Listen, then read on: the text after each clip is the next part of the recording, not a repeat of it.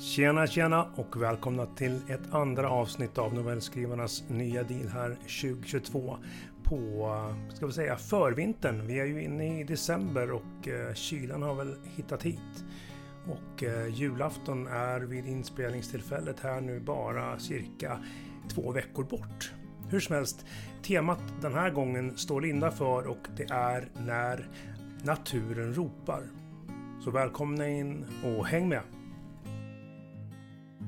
Jaha, novellskrivargänget är samlat igen och vi är samtliga fyra. Linda, Annie, Jörgen och jag, Mange. Och eh, den här träffen handlar om ett tema som Linda stod för och det heter eh, Naturen ropar. Jag tänker jag lämnar över ordet till dig Linda så får du förklara lite kort bara vad, vad det här eh, temat eh, sprang ur. Eh, ja men det, det var ju så här att det var väl lite tudelat kan man säga. Eh, dels den, den här ständiga tanken på på vår eh, miljö och vårt klimat och vår natur som eh, jag och många med mig ägnar mycket tankar åt nu. Så dels det och sen var det ju det att eh, vi såg en sån härlig film, Call of the Wild, en nyinspelning med Harrison Ford bland annat då. Och det var nog kombinationen av de där som ledde fram till det här temat Natur Europa. Ja, ett spännande tema. Eh, helt klart. För naturen är någonting som vi säkerligen alla tänker på idag eh, på olika sätt. Eh, och som kan oroa såklart. Och ja, ska vi köra helt enkelt? Är vi redo? Ja, absolut. Ja, härligt. Och det är då du Jörgen som står för den första uppläsningen. Ja. Så varsågod. Och jag har kallat den Utsikt mot elljusspåret. Det är en solig och varm lördag i slutet av augusti. Skolan har just börjat igen efter lovet, men tack och lov för helgen. Skogen har varit mitt hem hela sommaren och nu kan jag vara här igen.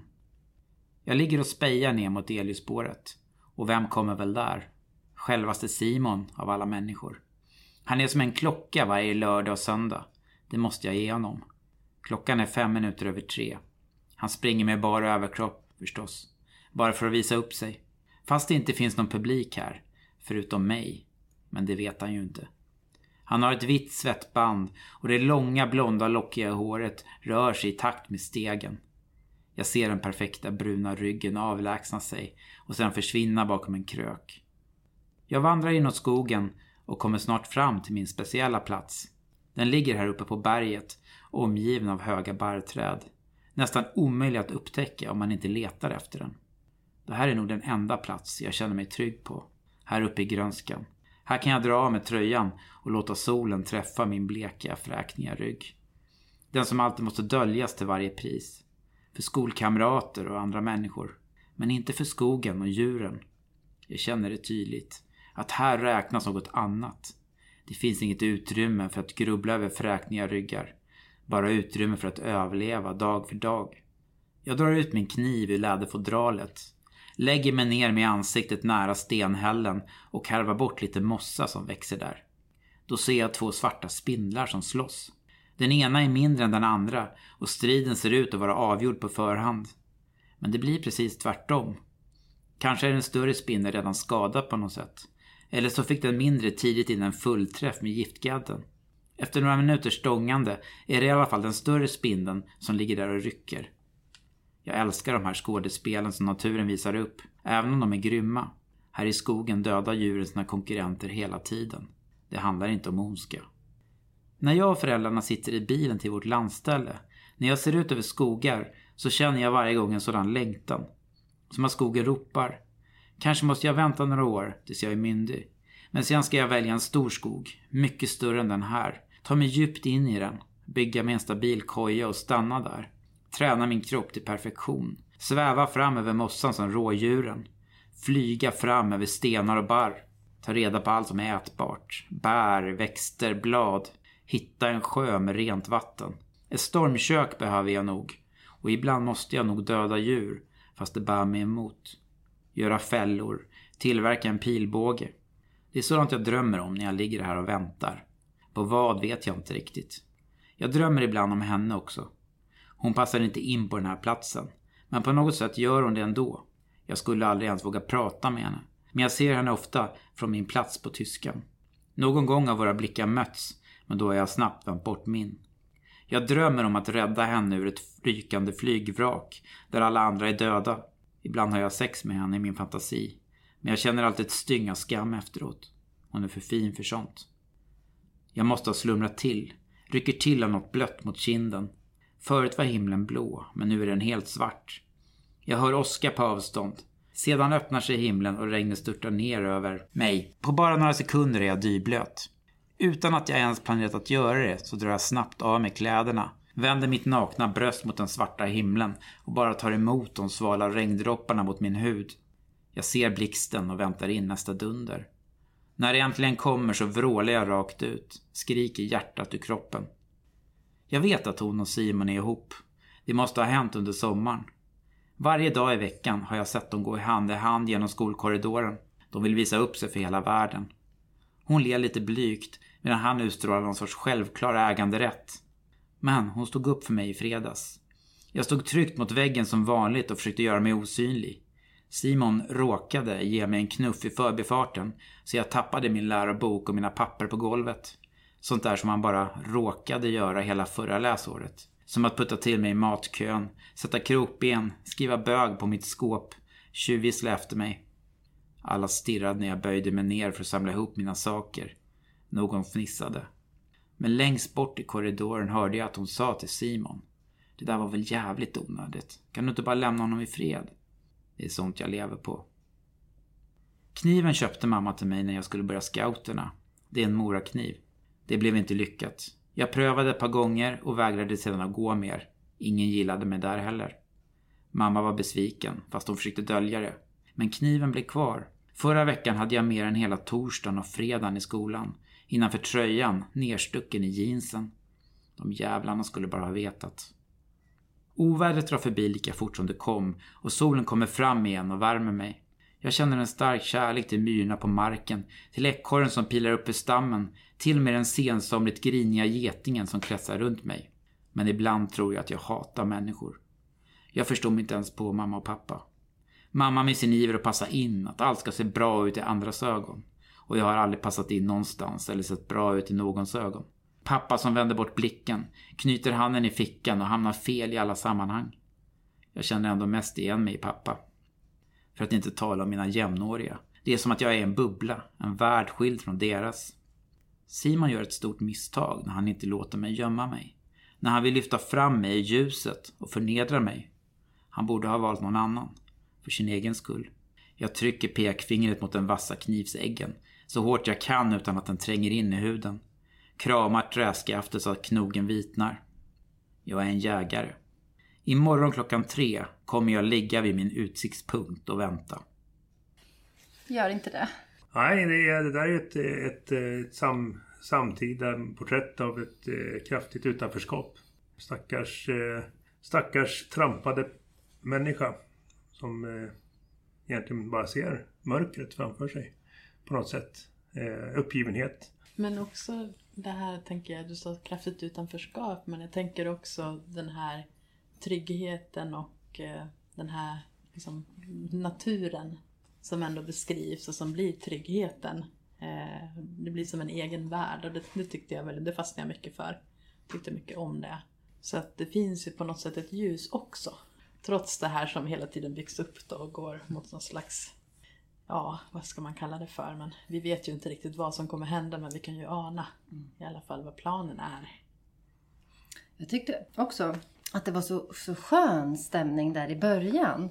Att samla kraft i naturen och tänka på det här med skogsbad, heter det. Mm. Som, som en del ägnar sig åt. Och allt det här med som, som naturen kan ge i styrka, både mentalt och kroppsligt också, när man är i naturen.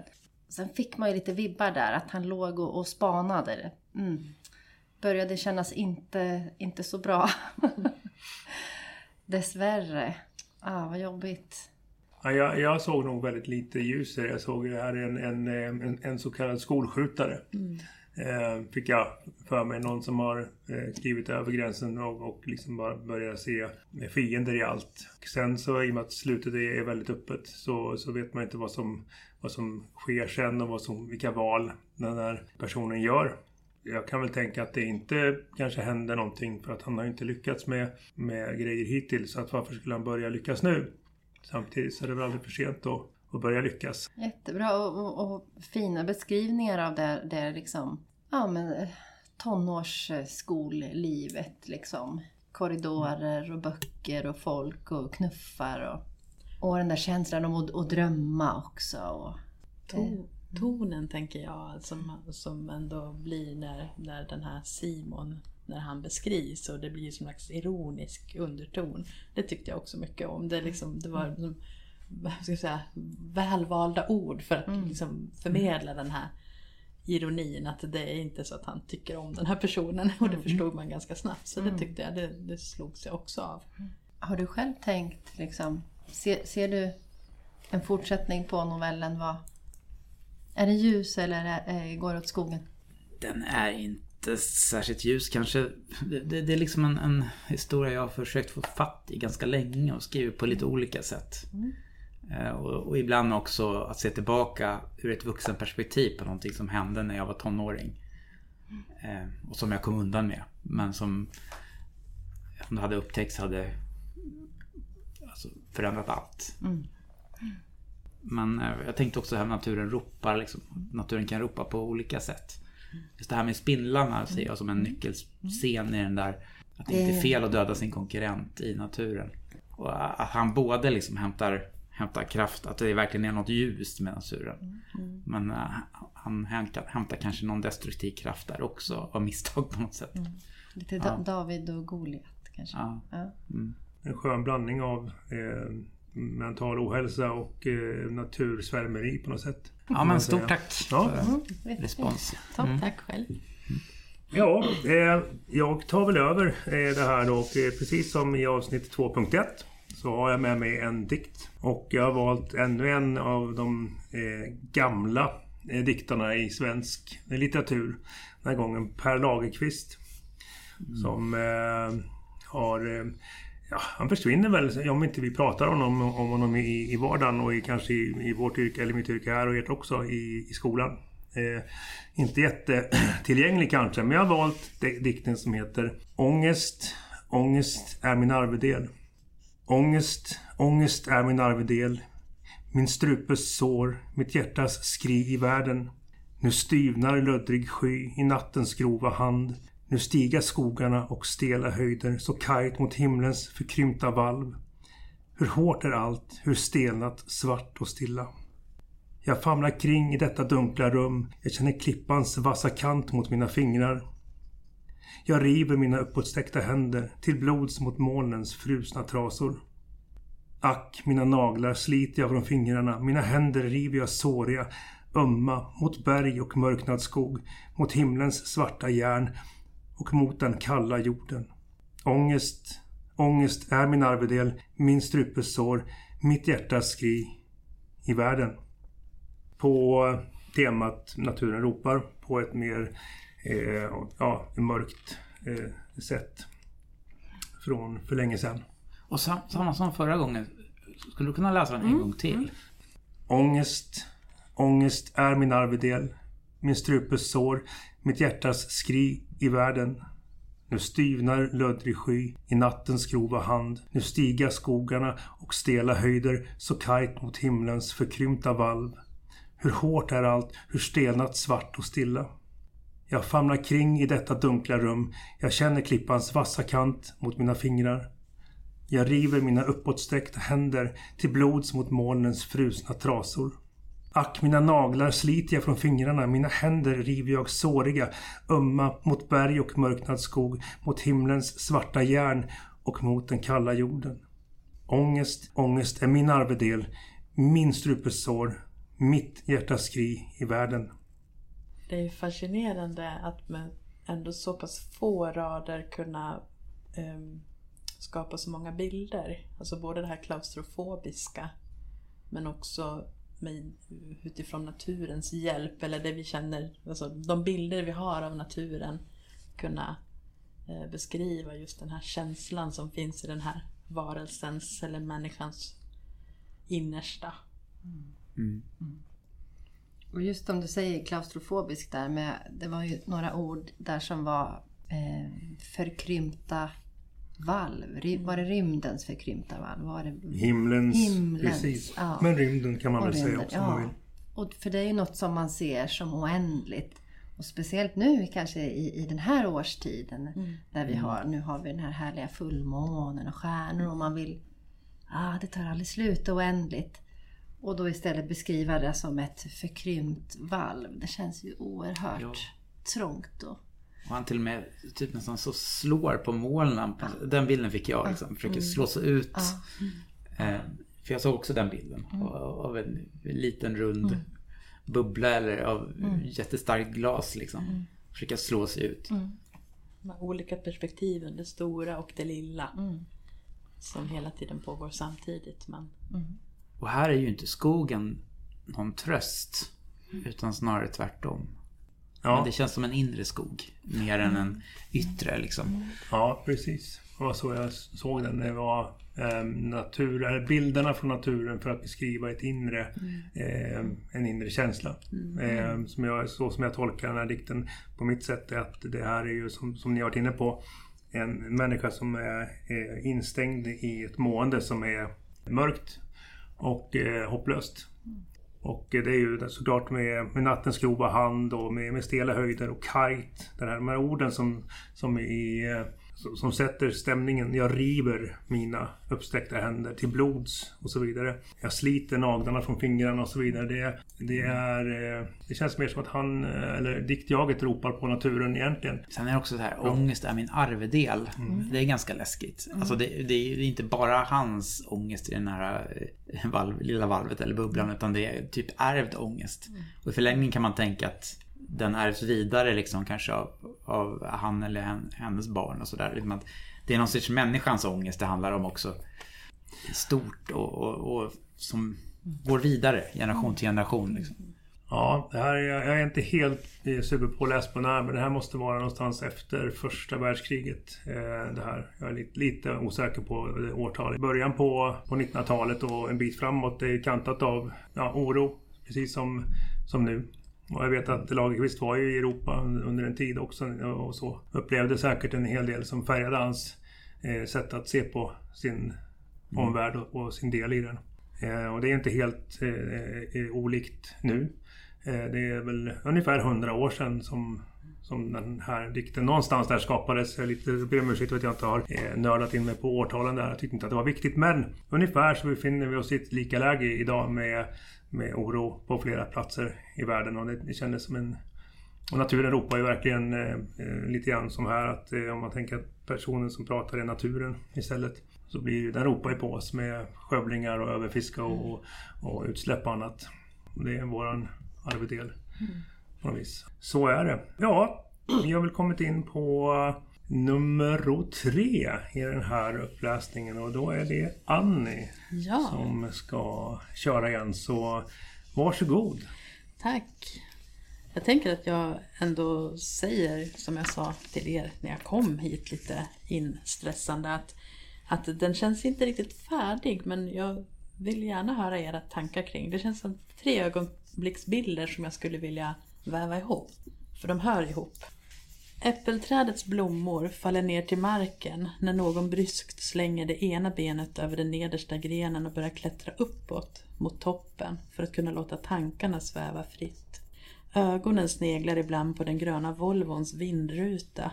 Glaset vittnar om gårdagens sammandrabbning mellan motorhuven och den stora eken. Samtidigt som älvorna dansade ute på den dimmiga heden och den gyllene satelliten kastade sitt sken över nejden. Inne i huset, en bit från äppelträdet, står en kvinna i köket. Vid spisen med en handduk slängd över axeln.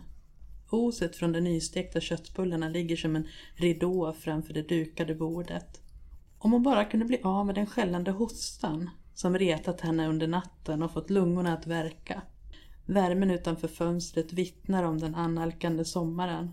Men precis i denna stund, när hon tänker ropa ut i äppelträdet att maten är klar, då ser hon varken grönskan eller barnet. Endast ett landskap täckt av något bomullsliknande. Hela marken är vit. och den kraftiga dunsen som hörs någonstans i riktning mot äppelträdet efterföljs av ett litet moln där, där det vita lämnar marken och virvlar häftigt uppåt. Hon hostar till ännu en gång och harklar sig. Blir sedan tvungen att spotta i handen.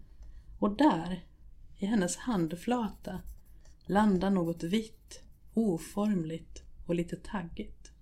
Kvinnan står i fönstret och blickar ut. Högst där uppe på berget ser hon en siluett av en människa. Det är för långt bort för att avgöra om det är en man eller kvinna. Inte heller kan hon veta personens ålder.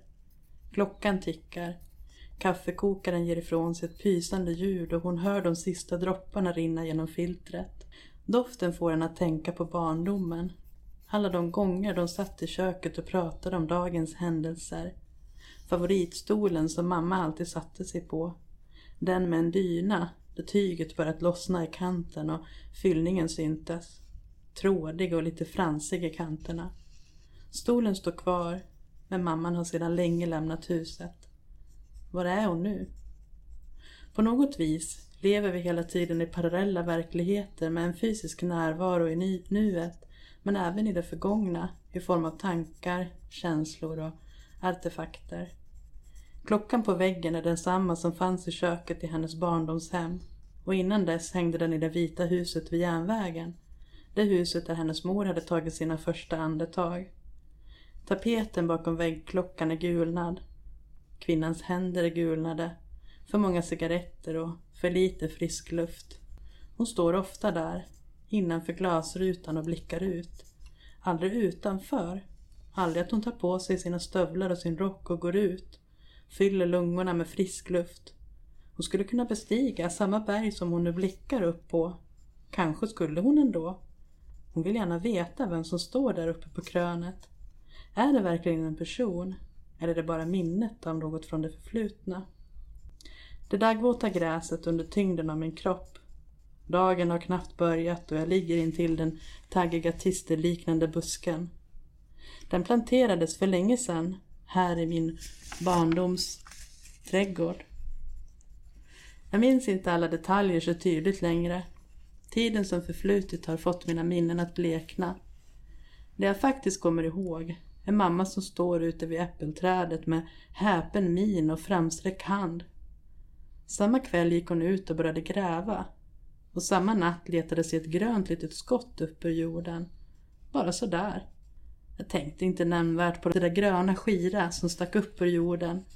Och inte heller brydde jag mig särskilt mycket om det som så småningom blev en buske. Men det som fick mig att börja intressera mig för växtligheten var att den en dag, flera år efter att mamma gått bort, började tala till mig med samma vackra klang och lite underfundiga uttryck som min mamma alltid gjort. Ja, nu är den för lång tyvärr. Men det är nästan så att det var med uppmaningen till Magnus här. Läs den en gång till. Det, det, det, det, var så mycket där liksom. I, i, I språket också. Den var ju väldigt poetisk liksom. Målande beskrivningar som ja, man, man upplever det verkligen och ser bilder framför sig. Och jag undrar ju nästan mest över det här, det här som hamnade i handflatan. Vad är det för någonting? Nej, vad är det för någonting? Du sa ganska, ganska tydligt, så, tidigt så, så sa du Gyllene satelliten. Jag fick så här, är det något med rymdvarelser? Vad är den här mamman? Var kommer hon? Är det en mamma mm. från rymden? Ja. Tänk! Ah, spännande. Jag tänkte månen som var den, den här satelliten. Men eh, jag tänkte att det, det, det, är, det är bra. Målande gestaltningar. Det är lätt att, att se bilderna på äppelträdet och den som klättrar i äppelträdet kan man också se tydligt. Eh, dim, jag tänkte, var det snö eller dimma? Alltså, vad jag faktiskt tänkte på det var att för några år sedan så var det något som hände i naturen och jag har ett kort på det. Och det såg ut som bomull. Och jag kommer inte ihåg nu om det var ett träd. Alltså det var en typ av trädsort som fällde de här bomullsliknande vita fröna och la sig som ett täcke ja. över marken. Så det var egentligen det som var liksom mm. upprinnelsen till mm. själva tanken kring mm. det här vita bomullsliknande. var det då det var så vansinnigt varmt så att det var en viss trädsort som på något vis gick in i något eh, typ eh, larmläge och började skjuta Mm, ifrån ja. sig för mycket Det stämmer. eh, jag, vet, jag vet inte, fröer eller Ja, liknande. men någonting, det stämmer. Så det, var, det var den bilden jag hade. Jag har faktiskt ett kort på det också, så jag hade bilden framför mig. Så texten var lite så här, jag har liksom haft den någonstans, en litet utsnitt sådär. Men eh, ja, så det är liksom flera saker sammanvävda här och då tyckte jag att det passade ihop men jag kände ändå att jag inte fick liksom till det där riktigt, vad ska jag säga, helheten. Så den är inte, den är inte klar men Den är, väldigt drömsk. Ja, det är som tiderna flyter ihop också. Lite grann. Det, det står ju, du säger det rakt ut också, någonting med parallella verkligheter och sådär. Men det är också att man känner det tidigare också. Det, det känns som det, eller det är tre generationer här. Känns det. är barnet och en kvinna och, och hennes mamma liksom. På något sätt att deras liv, man får glimtar av allas liv här liksom. Och det spelar inte så stor roll. Alltså det händer samtidigt. Den, den känslan fick jag lite. Det var tre eh, lösa delar som satt i en helhet, visst var det så? Ja, alltså det var ju tre ögonblicksbilder som egentligen har haft kanske texter som jag har bearbetat lite nu. Men jag tycker att de hör ihop på något sätt. Men jag, sen det här liksom lite övernaturliga eller det här med det här som hon spottar ut. Det, det bara kom liksom. Och då kände jag så här, ja, men det är ju ganska häftigt att ha det med. För jag brukar inte skriva om övernaturliga saker eller lite det här magiska eller vad det nu är så. Men eh, jag såg faktiskt framför mig att när hon hade stopp, spottat ut det här så såg jag en ögonblicksbild när den här kvinnan faktiskt börjar liksom bli som en kokong. så, men är ute i naturen på något sätt. Men jag fick liksom inte ihop det så jag kände jag kunde inte Ja, jag visste inte hur jag skulle liksom berätta den berättelsen så att eh, jag lämnade det men vem vet det kanske. Ja, men det känns Spännande. som att den kan såklart ta många olika vägar. Men, men, eh, men två vägar som man ser, två ytterligheter, det är ju det du pratar om nu. Att det blir ännu mer övernaturligt och drömskt. Eh, Att kvinnan vävs in i en kokong till exempel. Och man släpper verkligheten mer och mer. Den andra är ju att eh, ta in verkligheten ännu mer. Jag tycker ju det blir starkt när de här detaljerna kommer fram. Jag tror det är köttbullarnas os till exempel och Som var en ridå. Ja, men Ja, precis så. Ja. Alltså att det blir också bra tycker jag för, som liksom tillsammans med, med det mer drömska, övernaturliga, eh, eteriska nästan liksom. Så, så det, man skulle kunna gå åt båda håll här. Och det här med, med kokong som du säger, det var väl i somras det var eh, många träd längs Nyköpingsån som det var något djur, insekt, jag vet inte vad, som spann Mm, det kan ju också eh, någonting och Ja, just fångade det. in hela träd och Ja. grenar och det såg ju ut som eh, mumifierade träd. Liksom. Mm. Jag gillar ju den här eh, att man får tre... Tre är ju ett magiskt tal. Eh, Tre är bra för att det, det håller sig inom en viss rymd och det, det blir inte så svårfångat. Att, att det blir eh, korta delar som tillsammans blir en helhet där man får olika eh, berättelser. Eh, Som den sista där som med, med hur den här människan till slut blir, blir sin mamma på något sätt. Tolkar jag som att det som inte förr tilltalade sen fångar henne också. Så att det är lite grann ett arv där och naturen ropar eh, på den här människan som sen också då blir intresserad av det som växer i naturen. Nej, eh, eh, mycket spännande. Eh, återigen. Och det var väl rent konkret också så att naturen ropade för tal, busken talade ju på slutet. Ja, det är ju något, jag har ju inte bestämt mig riktigt då, men jag tycker det är ju något övernaturligt i det också. Men um, mm, egentligen så, jag, någon så här baktanke från början var kanske också att hon blev väldigt skrämd. För jag tänker att det är den här kvinnan som vi möter på slutet som är barnet som klättrar i trädet. Att hon blir väldigt skrämd av den här händelsen. Att det liksom bara dyker upp något som är så onaturligt på något sätt att komma från mamman. Så att det är därför hon liksom skärmar sig. Men hon längtar ju ut. Så det är lite det här där naturen ropar. Jag vill liksom få in den här liksom känslan av att det finns en dragningskraft någonstans. Och till slut så börjar ju den här busken att tala och då kan hon ju inte stå emot liksom. Utan då måste hon ju ut.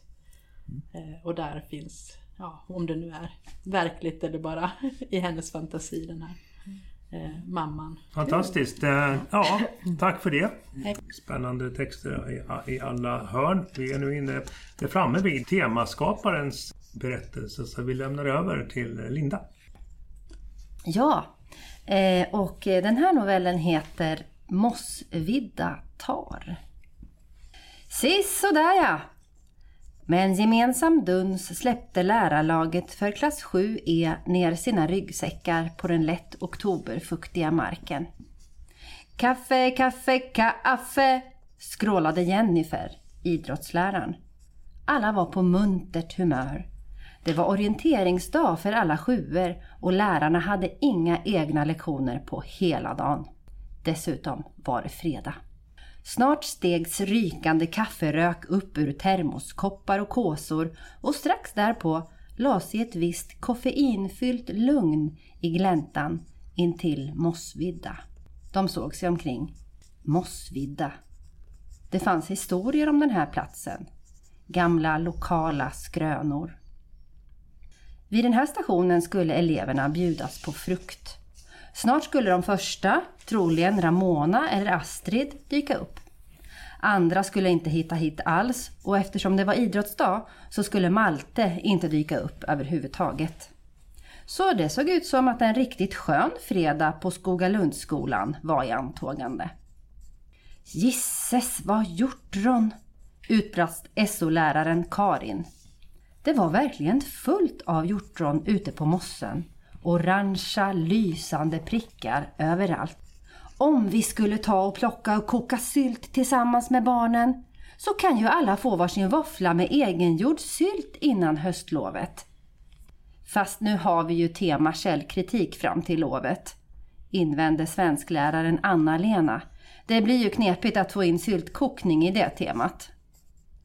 Ja, det blir ju också svårt att få till det i hemkunskapen. Jag menar, när skulle vi kunna boka den salen nu när åttorna har tema jord till bord och har bokat hela hösten?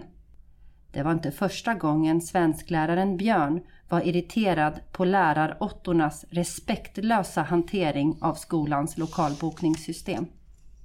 Jättefin idé Karin, verkligen, sa Magna en av de biträdande rektorerna som denna dag blivit tilldelad lärarlaget 7E. Vi tar med oss den idén. Ja, nej, nej det blir väl svårt förstås, sa Karin med blicken mot de orangea prickarna. Men mycket hjortron är det. Textilläraren och numera deltidspensionären Ulla ställde sig bredvid Karin och blickade ut över mossen hon också. Klar sky över trädfri mark, så när som på en och annan tall, små till höjden men många till åren. En tystnad som var kompakt, den höga luften till trots. Hjortronen lyste. Garn blir underbart att färga med skvattram, sa Ulla. Inte till någon särskild utom sig själv. Det blev tyst i lärarlaget. Kanske för att några av dem tyckte att Karin blivit lite väl bryskt avsnäst angående hjortronen eller kanske för att ingen av dem visste vad skvattram var. Nej, beror på om de dyker upp snart. Jennifer bröt tystnaden och den vanliga stämningen var tillbaka. Och så tog det bara ett par sekunder innan rörelse hördes i skogen. Men det var varken Ramona eller Astrid. Det var Malte. Lärarlaget stelnade obemärkt till. Stämpen! Han glodde på Björn, hans mentor. Bara någon mikrosekund glodde Björn tillbaka eftersom han inte fick ihop det hur Malte, som aldrig varit på någon idrottsdag eller någon annan dag som inte var som alla andra, plötsligt stod i mossan mitt i skogen. Björn fann sig och insåg att här gällde det att tokkrädda. Ja, men visst, stämpeln är här, här. Kolla här kan du stämpla. Vad kul att du är här Malte. Du är allra, allra först av alla. Finns det något att äta eller? Ja, såklart, såklart. Vill du ha banan, äpple eller päron? Melon, sa Malte. Nej, ja, nej, vad synd, synd. Just melon har vi ju inte med oss. Men bananerna ser jättegoda ut. Inte alls bru... Vilken jävla skitfrukt! Skit i det då för fan! Sa Malte. Ja, ja visst absolut, sa Björn. Ljud i skogen igen. Nu var det Ramona och Astrid. och de var förbannade. Vad fan Malte, hit med vårt stämpelkort. Han har snott vårt kort. Här är hans, han har inte en enda stämpel. Astrid viftade med ett ostämplat kort och de stirrade ilsket på Malte och uppfordrande på Björn. Björn och resten av lärarlaget, som fortfarande inte riktigt vaknat ur den stelhet de nyss fastnat i, både kroppsligt och tankemässigt, kände hur denna lugna, maltefria fredag höll på att förvridas ännu mer. Lågaffektivt, lågaffektivt nu för fan var mantrat som snurrade i Björns huvud när han öppnade munnen. Malte, tjejerna säger att du har tagit deras kort. Kan det stämma? Björns röst var så lugn som i hypnos. Sen rämnade Malte sköt och kastade sig över Ramona och Björn försökte få grepp om Malte som tog strypgrepp på Ramona medan Astrid tog svenska tvåläraren Josés termos och slog i huvudet på Malte. Hjortronen lyste. Kampen pågick under tystnad så när som på Astrids ”Sluta för i helvete jävla idiot!”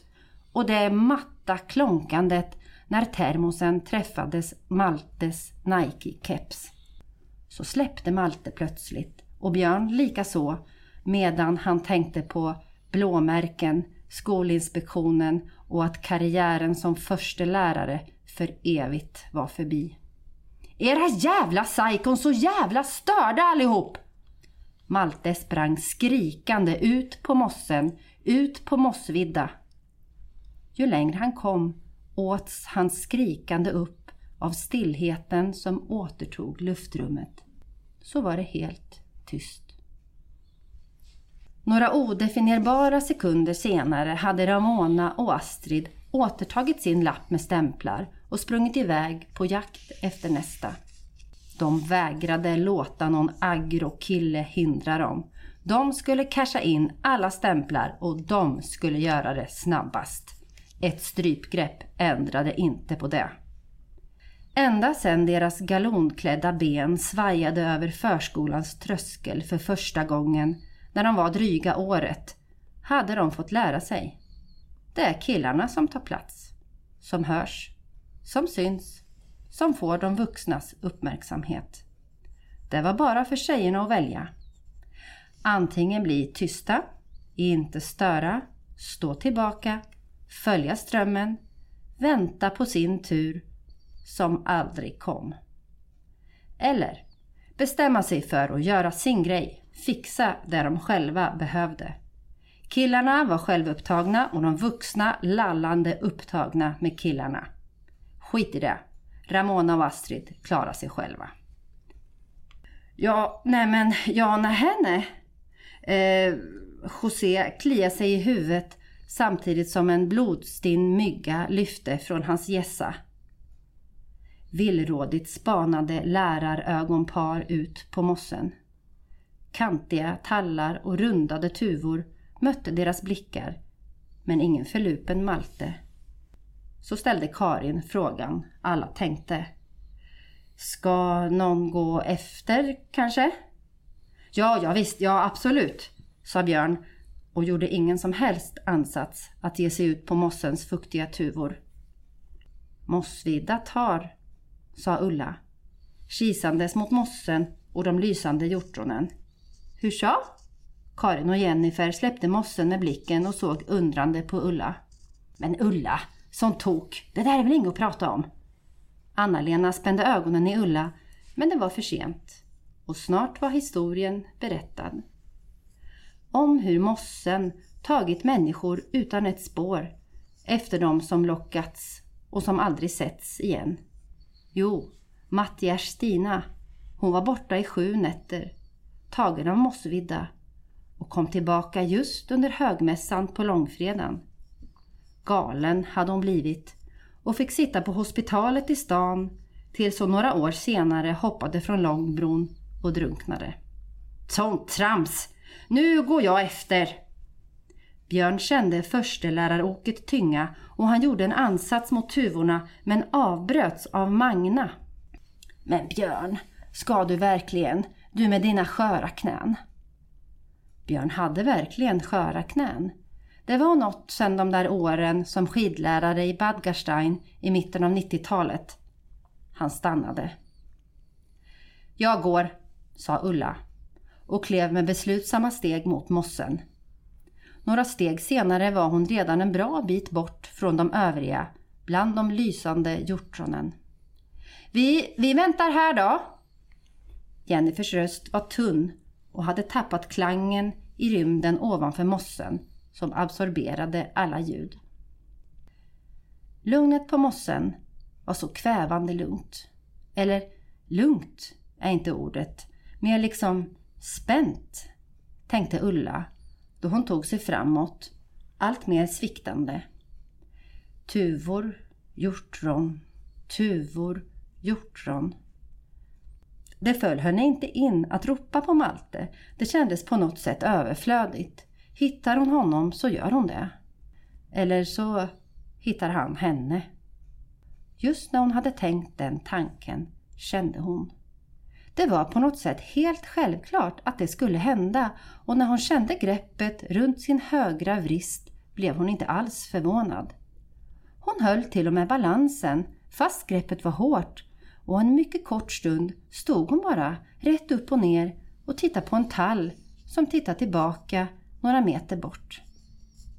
Men när ännu en hand fattade ett lika hårt grepp om hennes vänstra fotled föll hon.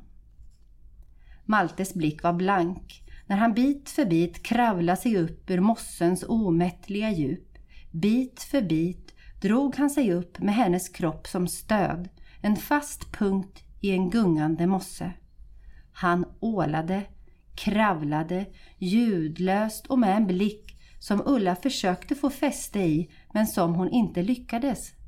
Hon själv försökte grabba tag i gräs och hjortronruskor men kände hur hon blev allt mer viktlös.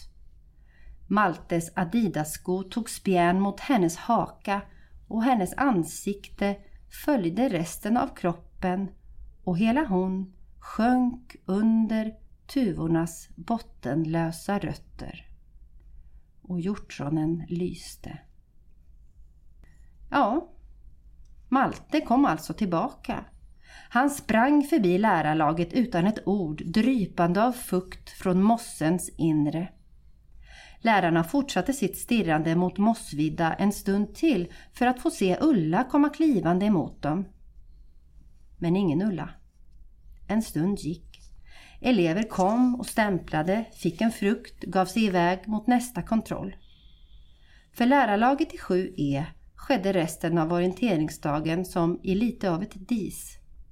Emellanåt tyckte någon av dem att de hörde Ullas blöta steg utifrån mossen på väg tillbaka till rastplatsen för att slå sig ner på en sten och ta en smörgås ur matsäcken. Men inte kom Ulla. Ett par timmar senare tog lärarna den sista slatten kallt kaffe ur sina termosar och drog igen ryggsäckarna.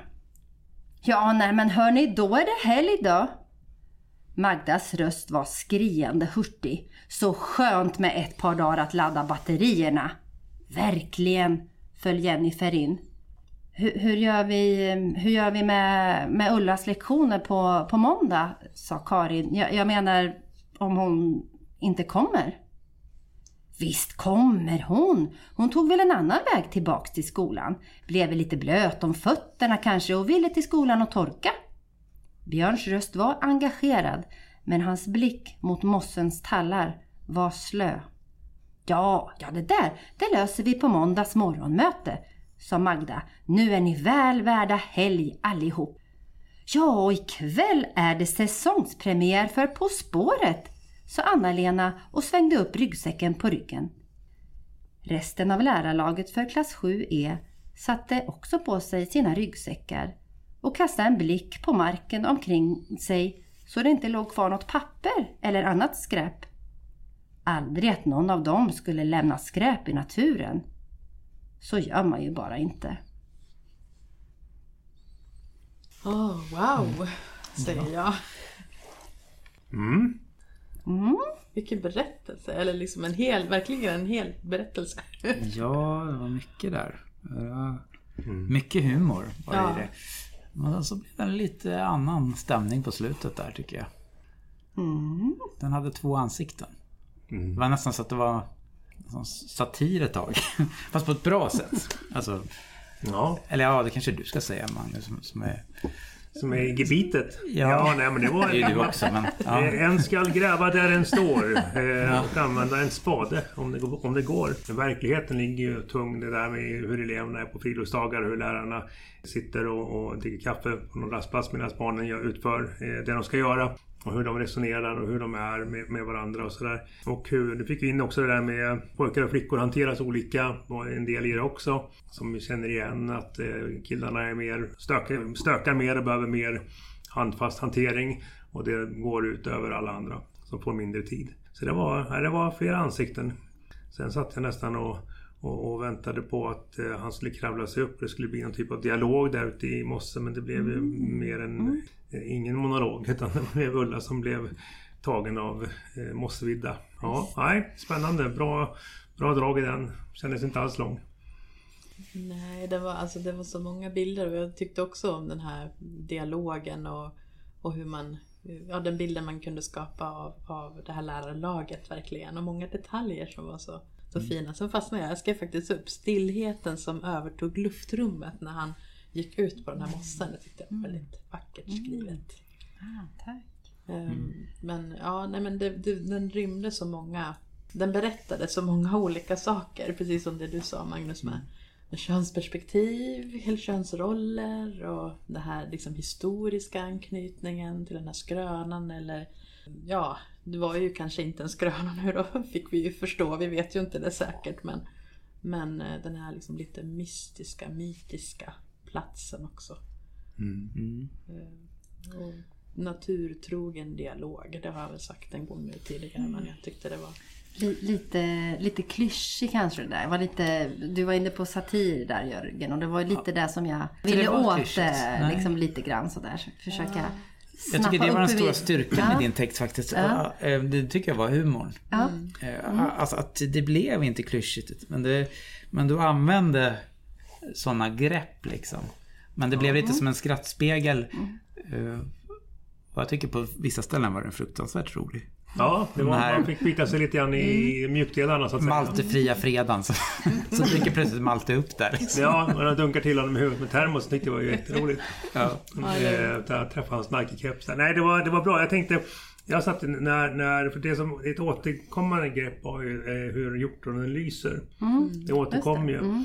Den återkom ju precis efter att Malte hade trampat ner eh, eh, Ulla i, mossen. Och då tänkte jag att nu, nu är det slut. För det här är ju det öppna slutet. Vad händer sen? Men här är det ett, eh, ett mer eller mindre stängt slut. Det är de två alternativ man vanligtvis leker med i, i alla berättelser. Att antingen så ger man det som kommer sen. Eller så gör man inte det. Och här satt jag. Här, eh, det här är ett. Det här är liksom eh, delslut ett av två.